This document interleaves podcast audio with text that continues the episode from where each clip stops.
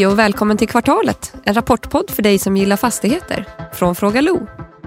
I detta avsnitt hör vi Magnus Ekström, CFO för Besqab, kommentera bolagets rapport för tredje kvartalet 2021. Intervjun görs av Sverrir Thor och spelas in på Beppo.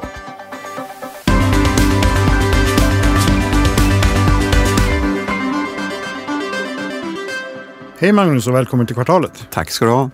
Det är första gången du är med. Det är första gången för Mm. mig. Hur känns det? Ja, men det känns spännande. Det är, det är rapport och så får vi träffa dig Sverige. Ja, det är, det är, rapporten lät, lät jättebra. Men hörru du, är du nöjd med rapporten? Ja, men vi är nöjda med rapporten. Vi, vi tycker att det är en bra rapport och vi följer våra planer så vi, vi är nöjda. Mm. Jag har en, en liten, sådär, fått lite, lite smygtitt på, på Niklas snabbanalys. Jag vet att han är nöjd också, men vi ska lyssna på den. Ja, gillar en snabbanalys av Besqab. Tredje kvartalet var ju en, en riktigt bra rapport från Besqab, eh, tycker vi. Man levererar eh, två nya projektstarter eh, och marginalerna stärks i, i kvartalet. Någonting man har väntat på ett tag. Bolaget har ju startat hela 147 nya bostadsrätter i kvartalet. Och det blir ju 425 enheter på, på rullande nio månader och det är betydligt upp mot förra året då, då man bara startade 184 lägenheter första nio månaderna. Och antal enheter under produktion är nu uppe i hela 1459. Så det är upp med mer än, ja det är nästan en eh, 50 procent upp mot förra året. Eh, sålda bostäder är också upp, eh, men här har man ju lite mer att sälja framöver eh, då antalet bokade och sålda i produktionen minskar till 66 procent från 74 procent. Men då ska vi komma ihåg att bolaget har ju en väldigt försiktig vinstavräkningsmetod och vinstavräknar ju ingenting förrän man har sålt bostäderna. Så det betyder ju att, att resultatet kommer att korrelera med antalet sålda enheter och nu har man ju en, en stark bas att stå på. Eh, det marknaden har svårt med bostadsutvecklare är skillnaderna när det gäller vinstavräkning. Eh, och vi bedömer ju att ska hör till den försiktiga skolan. Eh, kvartalets kraftiga ökning av starterna trycker upp omsättningen, spär ut marginalerna. Och det är fortsatt så att marginalerna ser lägre ut på nio månader än vad de gjorde förra året. Men i kvartalet så ser vi att det börjar ge lite tryck i lådan. Rörelseresultatet är upp till cirka 33 miljoner jämfört med 14 förra året, mer än en dubbling. Och, och vi ser också att, att marginalerna faktiskt är lite bättre igen, vilket det känns skönt att få den bekräftelsen. Även om man framöver här måste lägga med lite brasklappar kring stigande råmaterialpriser eh, och stigande markpriser också för den delen. Och det är faktorer som kan påverka vinstavräkningsmodellen. Någonting som jag tycker eh, Sverige ska ta upp med, Magnus och få, eh, få Besqabs syn på i dagsläget. Då. Aktien har ju återhämtat sig, men marknaden har svårt och se igenom de här starka starterna och bolagets förvaltningsportfölj. Det spär ut marginalerna, kortsiktigt drar upp nettoskulden. Man har också svårt att ta till sig de här låga ingångsvärden och den starka projektportföljen eh, som bolaget har. Och med de här starka starterna i ryggen och, enheter under produktion eh, så har man definitivt eh, potential att vända den här negativa marginalbilden som, som man har haft på nio månader. Det borde kunna vända till det positiva 2022, eh, drivet av, av vinstavräkning av, av de enheter som man redan har startat. Jag tycker också att eh, Sverige ska få Magnus att, att prata lite mer om den här starka balansräkningen trots förvaltningsportföljen eh, och, och lite reflektioner kring redovisning och eventuellt förvärvskapacitet. De underliggande bostadsmarknadspriserna är ju också viktiga att hålla koll på. Men glöm inte bort att den senaste årets eh, starka marknad gradvis kommer ge stöd till vinsten i Besqab framöver. Så för den som gillar vinstmomentum och försiktiga kvalitetsbolag har man fortsatt eh, mycket kvar att hämta i Besqab. Det är några saker som jag tänker på när jag läste rapporten. Det, framförallt så är det ju det här med, med eh, materialtillförsel och sånt där. Som ju verkar bli, hålla på att bli ganska ansträngt för många aktörer. Sen, alltså säljtakten Mm. var ju någonting som jag eh, reagerade på också. Eh, och det är jag, jag, an- antagligen för att jag inte riktigt har hundra koll på hur, hur det funkar i, i, era, i liksom er del av branschen. Men ni minskar antalet säljstarter. Eller vad sälj, Ja, ni säljer färre bostäder under kvartalet än i fjol. ja, vi redovisar ju 85 säljstarter det här kvartalet, vilket är lite lägre än förra, Mm. eh, tredje kvartalet förra året. Men vi har, vi, vi, det är ju förhandsavtal, bindande avtal som vi redovisar som, i säljstatistiken. Så att, eh, och vi har ju startat väldigt många projekt där vi har bokade också. Eh, så att, och de bokade syns inte i säljstatistiken så vi, vi ser inte i siffrorna men vi, vi, vi har känslan att vi har sålt väldigt bra det här kvartalet Mm. och hela året eh, Mm. för den delen. Så att, Precis, för det, det är någonting, man har ju pratat om att marknaden skulle avvika lite efter, efter eller vika lite efter, efter pandemin och så vidare. Carola Mm. nämner ju det vd-ordet Mm. när konsumtionsmöjligheterna blir fler och så vidare. Men det är ingenting ni märker av egentligen? Nej, men vi märker inte det. Vi har, vi har startat väldigt många projekt, säljstartat och, och vi har väldigt gott marknadsmottagande i de projekten. Så att vi, vi, vi ser inte riktigt det. Vi, vi är jättenöjda med försäljningen. Mm. Och märker ni någon, någon eh, att, att priserna ger med sig någonting eller är de fortfarande på samma nivå som innan, innan sommaren? Nej, men det, det, det är bra prisutveckling. Vi har ju sett att det är mellan 7 och 9 procent på de marknader vi är i, Stockholm och Uppsala. Vi ser att vi kan sälja på de nivåerna och vi är väldigt skickliga på att, på att eh, prissätta och släppa ut ett antal eh, lägenheter till försäljningen. Så det, det är som tricket vi har. Mm. Eh, och vi ser att vi kan sälja på, på de här nivåerna. Viss avvaktande marknad nu också, men att det tar lite, lite längre till, till closing. Men, men, eh, nej, men vi, vi, vi ser inte någon avvaktande. Mm. Och att, att det tar lite längre tid, vad tror du det beror på? Om om det liksom utifrån det ni har sett för er, är det att det är andra konsumtionsvanor eller vad ska man säga, att, att folk har andra alternativ med att- investera pengarna eller är det så att man ändå kan man skönja att, att bostadsmarknaden kanske har nått någon form av peak? Nej, men jag tror inte piken, man, man får nästan hoppas att den planar ut för det, att det ökar med, med 10 procent varje år, det är ju inte hållbart i längden. Så att vi får väl hoppas att den planar ut och att, att folk är intresserade av att köpa lägenheter. Sen har vi ju den här pandemieffekten. Det var ju väldigt god försäljning under själva pandemin. Man, man satt hemma och tittade på hur, hur ska det boendet se ut och, och gärna en större lägenhet också istället för tidigare att det var mindre lägenheter. Mm. Mm. Och det är väl kanske det man ser nu. Folk börjar kom, komma tillbaks till jobbet och kontoret och, och kanske har eh, titta på resor också. Så att det, det är kanske det man får, får väga in också. Men, men vi ser ju ingen direkt jätteeffekt att det tar mycket, mycket längre tid utan vi, vi, vi ser att försäljningen är väldigt god ändå. Okej, okej. Hur, hur är det med marktillgång? För det är också en, en sak. Eh, Vi har, jag, minns att vi pratade med Carola lite om, om markbanken eh, som ni har eller inte har Mm. för, förra, förra gången. Men alltså nu är det ju så att hyresrätter är ju i stort sett dyrare än bostadsrätter per kvadratmeter. Mm. Eh, vilket ger ju kanske andra incitament till kommunerna till vilka aktörer man säljer till. Hur, hur ser det ut? Ser, ser du att det finns någon, för ni, har ju, ni producerar ju en del hyresrätter som ni säljer av direkt va? Nej, inte säljer av direkt utan nu, nu har vi ju eh, sen, sen förra året en ny strategi att vi ska behålla Okej, våra hyresrätter och även samhällsfastigheter, behålla dem i egen balans och bygga upp en liten portfölj Mm för det också. Eh, nej men vi ser väl, ma- marktillgången är ju kanske vår, vår största utmaning också. Vi har en fin byggrättsportfölj på 4100 byggrätter.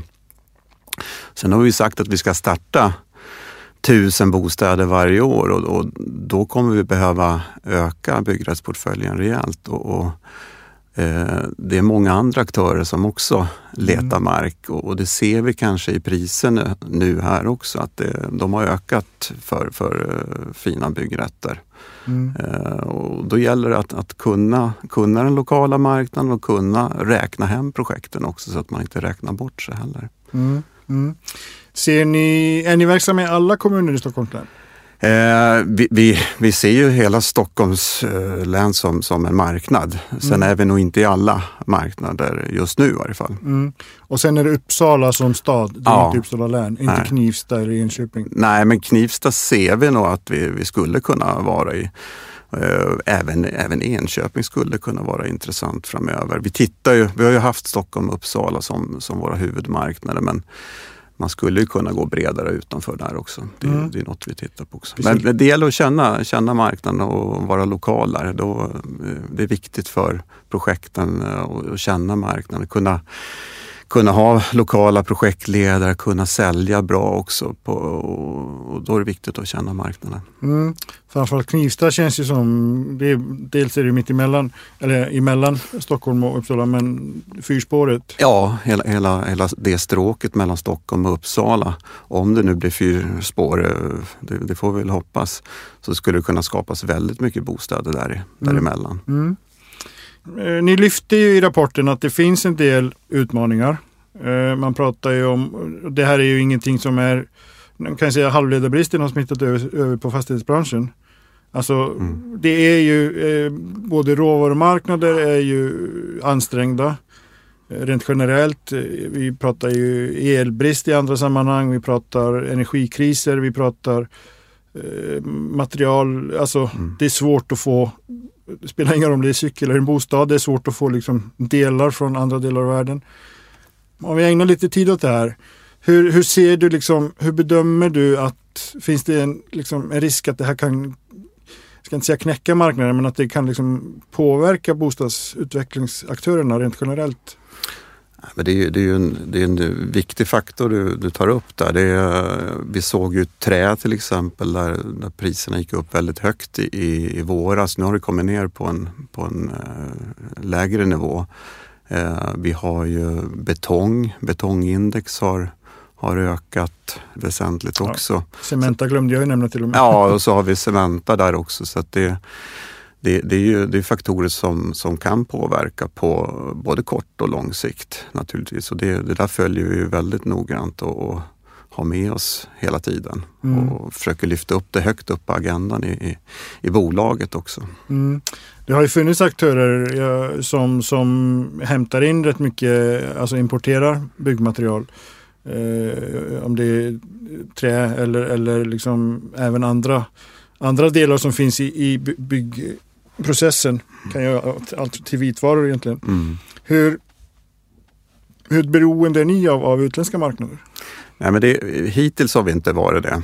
Eh, sen om man tänker på, på cementkrisen, om vi kallar det för det, så, så kanske man bör titta lite utanför Sverige och Slite och Gotland. Så att, eh, det, det, bör vi nog göra eh, mm. framöver. Vi är starkt beroende av en mm. en aktör där. Så att det, det, det, är möjligt att man ska titta lite utanför där för att säkra upp det. Mm. Hur, hur ser den marknaden ut? För det, det är som du säger, det har ju funnits ett monopol här.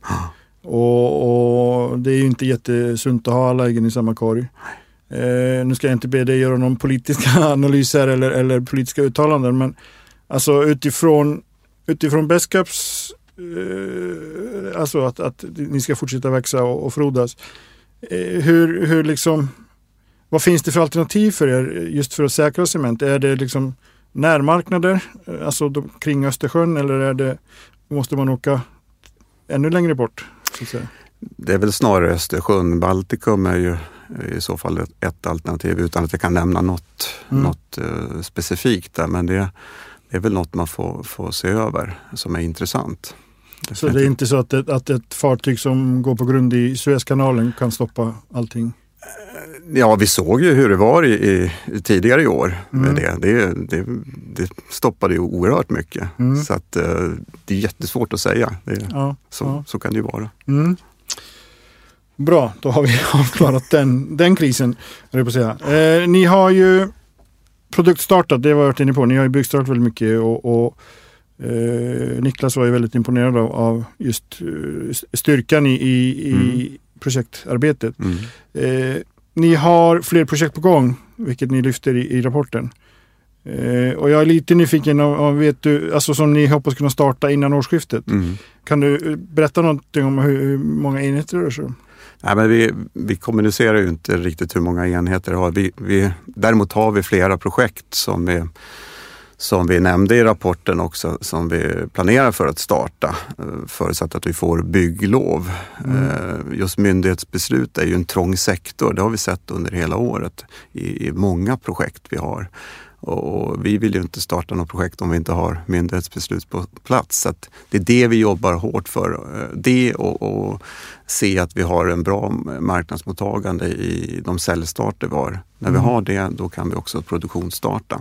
Mm. Men vi ser att eh, vi har ju till exempel eh, projektet i Mariehäll Mm. där vi planerar för att starta en etapp under kvartal fyra. Vi har ett projekt i, i eh, Årsta som vi planerar också för att starta under kvartal fyra också. Och lite fler eh, Mm. som vi har planer för också. Men det, det förutsatt att vi får bygglov också. Det är, det är I Mariehäll har vi bygglov för också. Okej, okej. så där kan ni köra igång? Ja, precis. Och det har varit Typ idag? väldigt, väldigt god säljs, eh, mottagande i vår säljstart. Okej. Hur, hur mycket av de här projekten är, är eh, liksom för egen bok? Hur mycket är, är försäljning? Ja, men vi planerar för ett hyresrättsprojekt i Uppsala. Det är sista etappen i Ultuna. Eh, Mm. Där har vi byggt eh, över 600 bostäder hittills. Så att, eh, och det, det är en sista etapp som vi har där på dryga eh, 120 hyresrätter Mm. som vi planerar för och arbetar för att få ett bygglov. Och direkt vi har fått ett bygglov så kan vi produktionsstarta det där. Och då är vi inte beroende av, av någon försäljning heller. Utan, Nej, Det kan- precis. precis. Hur är, eh, nu blir jag nyfiken bara när du Ultuna eftersom jag bedrev forskarstudier på SLU. Ja. Eh, Vad är det för typ av, av målgrupp ni har på, på dem? Är det studenter? Är det, liksom, är det akademiker? Nej, men det, det är en blandad mix där. Det har vi sett. Det, alltså hela området i Ultuna är ju, är ju fantastiskt med, med både villor och, och radhus och eh, ett äldreboende som vi har där och eh, små lägenheter och mindre lägenheter. Och, så det passar eh, egentligen alla familjer. Och det vi bygger hyresrätterna där, det, är- det är samma där. Det, det kan vara studenter också. Det ligger ju väldigt väldigt nära Uppsala centrum som du säkert känner till. Då. Så Mm, det, är, mm. det är ett superläge i, i Uppsala. En cykeltur på tio minuter bara. Ja, exakt. Så Mm. det är toppen. Längs ån, det är jättefint. Ja, men det är det. Mm, mm. Jag bor själv i Uppsala. Det är väldigt fint, fint där. Eh, vi har många Uppsalabor faktiskt med i podden. Ja. Det är lite kul. Ja, men det är bra. Ja. Får köta Uppsala-forumet. Ni har, eh, jag läste också, agerade på, eller noterade här, ni har ju förvärvat en del eh, fastigheter nu som, som jag antar att inte är färdiga för byggstart än såklart. Men Mm. i och med att ni har den här strategin att nu äga en del själva, går ni in i affären och tänker det här ska vi bygga hyresrätter eller är det ett beslut ni tar senare? Ja, vi, I ett ganska tidigt skede vet vi om det, om det kommer att bli hyresrätter eller, eller bostadsrätter. Men vi, vi räknar på, på både och så att vi kan ha ett eh, alternativ. Mm, Eh, också eh, beroende på om det går att sälja eller inte. mm. Så att det, vi, vi har bägge alternativen. Är det först, eh, liksom, går ni in med första valet att det här ska vi sälja eller, men vi har den andra? Ja, men så, så, så har det oftast varit. Det är ju det är bostadsrätter som har varit vår core business eh, fram tills nu. Så det har ju huvudsakligen varit det. Men vi, vi räknar även på hyresrätter Mm. att kunna göra. Ser, ni, ser du eller ser ni någonstans att, att för det finns ju en hel del utländska investerare som vill köpa färdiga eh, nyproducerade hyresrättsprojekt. Mm. Eh, Det är någonting som ni ser att skulle kunna vara en väg för, för Beskab också att ha ett typ ett tredje ben så att säga. Ja, men vi, vi, hade, vi, vi sålde ju, även det i Ultuna byggde vi 250 eh, hyresrätter som vi eh, har sålt till Nrep till exempel. Mm. Där de tillträdde det 2022 och 2023 i olika etapper. Så att vi har ju redan gjort det. Okej. Och sen så tidigare under, under eh, flera år tillbaka så har vi ju byggt vårdboenden och sålt. Eh, Så att vi har gjort den delen. Men nu, nu, nu vill vi bygga upp ett ben där vi har där vi får ett kassaflöde från förvaltningsfastigheter. Det, det kan vara bra att ha i en, en eh, bostadsutvecklingsbolag. Precis, och det investerar man då i, i både mark och, och nya, Ja. nya byggstarter Ex- nya ex- projekt. Exakt. Så ni har, om, om man sammanfattar då kan man väl säga att ni, ni är ganska, om nu mot förmodan det skulle bli så att, att bostadsmarknaden börjar vika sig, då har ni strategier för att hantera det. Ja men exakt. Alltså alternativ. Det, Mm. Eh, en sak som eh, jag pratade med, mm, vinstavräkningen har vi pratat om Mm. i, i förra avsnittet, men det var en sak jag reagerade på och jag vet att Niklas också lyfte det, är ju redovisningsmetoderna. Ni Mm. kör ju IFR såklart, mm, men ni har också en segmentsredovisning som ni kör internt. mm, Typ. mm. Kan, du, kan du förklara lite, du som är CFO och liksom kan det här bättre än vad jag kan. Vad, liksom, vad är skillnaden? För det, det är ganska markanta skillnader i siffror. Enligt IFRS så gör ni en förlust för kvartalet. Ja, nej men det, det, IFRS måste man ju göra och då är det ju completed contract och då räknar man ju vinstavräkning när man flyttar in. Mm. Så det kan ju vara att man bygger nu och så får du vinstavräkna om två år. Eh, och dessutom så eh, i balansräkning så, så måste du konsolidera bostadsrättsföreningarna.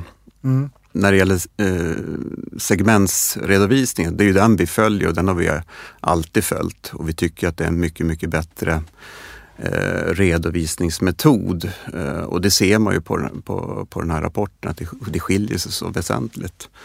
Eh, och, och, det handlar om att, att eh, du vinstavräknar när du har börjat produktionsstarta. Och Mm. för att produktionsstarta så måste du ha myndighetsbesluten på plats och du måste vi måste också känna att vi har marknadsmottagande, att vi, vi har sålt tillräckligt väl där. Mm. Och när du då väl börjar vinstavräkna så måste du ha ett, ett förhandsavtal på plats. Så vi vinstavräknar inte på bokningsavtal utan det, det är förhandsavtal. Mm. Och, och eh, sammanfattningsvis så kan man säga att eh, vi tar hänsyn till upparbetningsgrad och försäljningsgrad. Och har du upparbetat 50 procent av kostnaden i projektet och, och du har sålt 50 procent så eh, vinstavräknar du 25 procent av vinsten. Okej. Så det, det är så vi gör. Och sen så löpande under tiden så gör man prognoser i projekten. Mm. Mm. Och då är man ju lite försiktig också i, i- i början av, av, av projekten så det, det blir lite mer en progressiv eh, vinstavräkning. Mm. Att, och i början av ett projekt så, så säljer du oftast över marken till eh, en bostadsrättsförening och då får du en ganska hög omsättning där och så har du kanske inte sålt tillräckligt mycket så därför är marginalen oftast lite lägre för oss i, i början av ett projekt. Och det är det man ser i, i, i vår rapport, nu, att marginalen är, är låg för att vi har startat så många projekt här nu. Men Mm. allt eftersom eh, projekten eh, rullar på och kommer längre tid så, så kommer vi kunna ta ut mer vinster. Mm. Även på IFRS-nivå. Ja, IFRS-nivå, det är, det är de vi startar nu. De kommer vi se 2023, Ja. eh, vinster på det. Ja. Så det, det ju, Men det blir ju väldigt hackigt. Ja, det blir väldigt hackigt. Eh, I, I år har vi avslutat ett projekt och det är det vi ser i, i, i både intäktssidan och, och resultatet. Mm. Hur, hur, eh, hur mycket kan ni kommunicera? Liksom? För det blir ju, en, en, eh, det blir ju två, två bilder så att säga. Eller två sidor på, på samma mynt eller Mm. hur, man vill uttrycka det.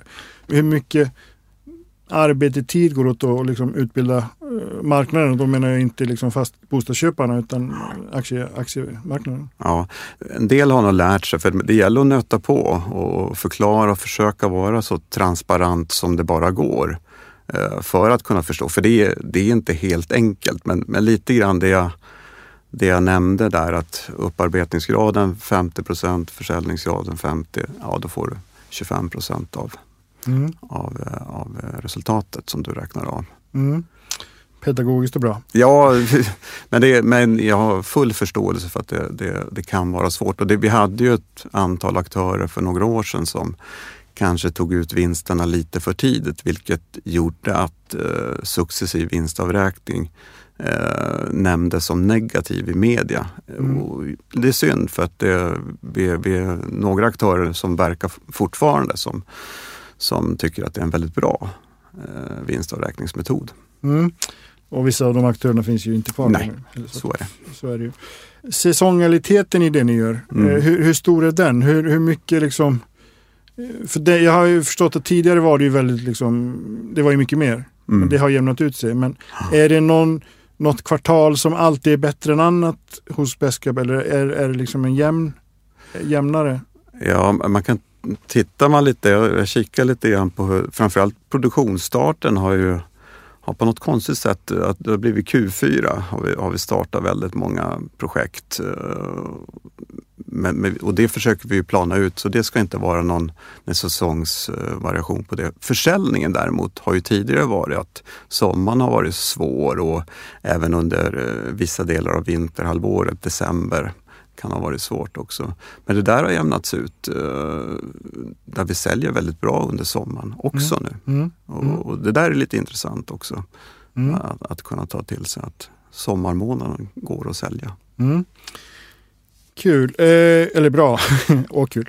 Eh, Magnus, det är dags att börja runda av. Eh, vi har en sista fråga som alla får svara på den här säsongen och det är liksom hur har vi har ju pratat mycket om det här med att, att vi ska leva på ett annat sätt efter pandemin. Dels vad gäller kontor och allt sånt där, men även bostäder. Du är inne på det tidigare, att folk köper ju liksom större bostäder nu för att kunna, eller vill, liksom, det finns en större efterfrågan för att mm. folk vill kunna ha ett, ett krypin hemma för att jobba i.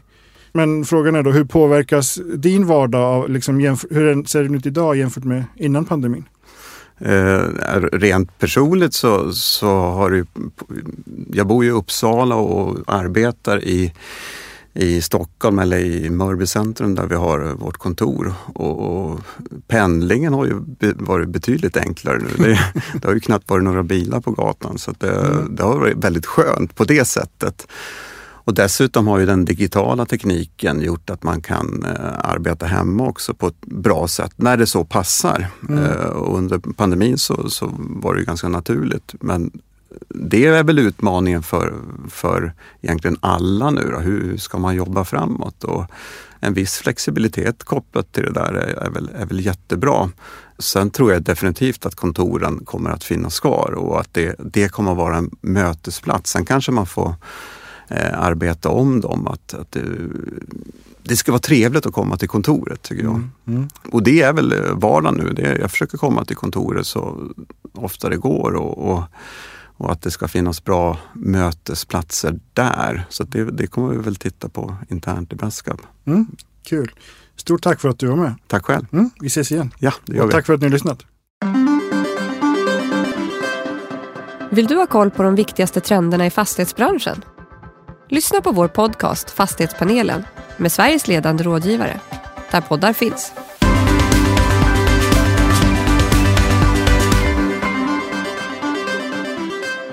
Det här programmet görs på Beppo. Beppo.